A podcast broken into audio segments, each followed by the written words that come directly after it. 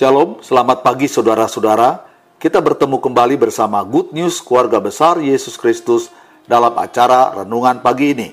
Selamat mendengarkan, Tuhan Yesus memberkati.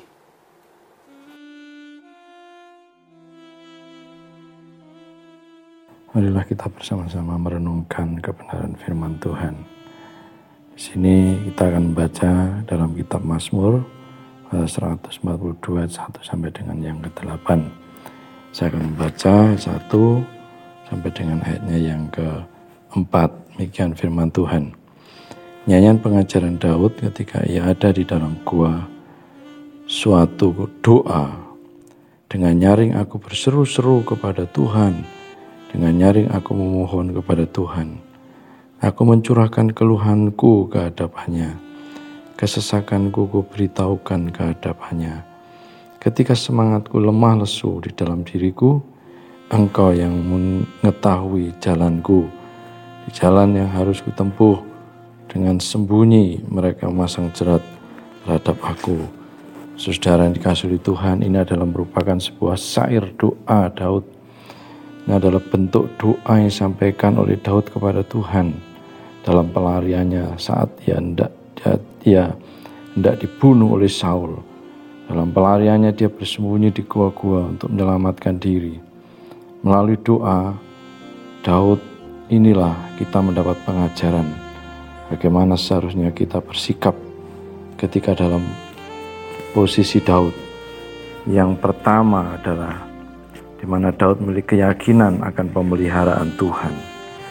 Daud sungguh-sungguh yakin bahwa Tuhan itu sanggup memelihara dalam kehidupannya. Dalam ayat kedua, ini adalah bentuk keyakinan Daud. Daud yakin atas pemeliharaan Allah. Jadi dapat dilihat dari isi doanya. Daud menyerahkan segala keluhannya, kesesakannya. Dia yakin bahwa ketika ia menyerahkan semuanya kepada Allah, maka Allah akan melepaskan semuanya itu. Kedua, karena Daud telah mempunyai pengalaman bersama dengan Allah, di mana pada saat atau waktu Daud mengalami patah semangat, Tuhan menunjukkan jalannya kepada dia untuk dapat kembali bangkit dan berjalan melewati segala jerat yang telah dipasang oleh para musuhnya. Hal tersebut sejalan dengan apa yang diungkapkan oleh Rasul Paulus, mengatakan serahkanlah segala kekhawatiranmu kepadanya, sebab ia yang memelihara kamu dalam kitab 1 Petrus pasal 5 ayat yang ketujuh. Hal yang kedua, keyakinan Daud di mana Daud yakin bahwa Tuhan itu sanggup melindungi. Daud sangat memiliki keyakinan yang kuat bahwa hanya Tuhanlah tempat perlindungannya. Dalam ayat 6 bagian A, dia menyadari bahwa ia adalah lemah, tidak berdaya, apalagi waktu menghadapi Raja Saul seorang yang punya kekuasaan dan otoritas dalam ayat yang ketujuh ia mengalami kecewaan pada saat berharap pada teman atau orang mau menolong dia tetapi tidak ada seorang pun yang menolong dia. Tidak ada yang peduli dalam ayat yang kelima. Yesaya mengatakan dalam kau tidak berharap kepada manusia.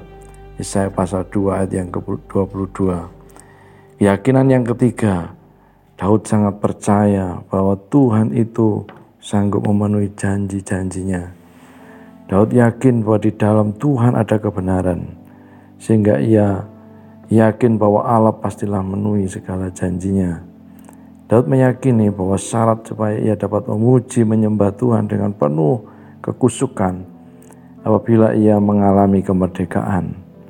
Kata penjara mempunyai arti sebagai ketidakbebasan, tidak ada kemerdekaan, terbelenggu karena terus dikejar-kejar. Syarat seorang dapat beribadah dengan tenang kepada Allah bila mana ia mengalami kemerdekaan secara fisik dan rohani. Kita akan dapat menjadi pancaran berkat dengan syarat bahwa Allah berbuat baik memberkati kita. Mintalah apa saja dalam namaku, maka aku akan mengabulkannya Matius pasal 14 ayat yang ke-14. Saudara-saudara yang dikasih oleh Tuhan, inilah ketiga pengajaran doa Daud dalam pelarian. Seringkali kita juga mengalami posisi seperti Daud ini. Tetapi saat kita sedang mengalami keterjepitan, saat kita sedang mengalami ketertekanan, saat kita sedang mengalami pergumulan dalam kehidupan kita, marilah kita memiliki keyakinan yang sama yang terdapat di dalam hati Daud bahwa Tuhan itu sanggup memelihara, Tuhan itu sanggup memberikan perlindungan, Tuhan juga sanggup memenuhi akan janji-janjinya dan dia tidak pernah berdusta. Sebagai simpulannya marilah kita belajar dari Daud dengan berdoa penuh kesungguhan hati karena Tuhan melihat hati manusia. Tuhan merupakan tempat pengharapan orang percaya dengan berdoa kepadanya membuktikan bahwa mereka memiliki iman yang tak tergoyahkan. Ingat bahwa Allah kita setia tidak akan meninggalkan kita.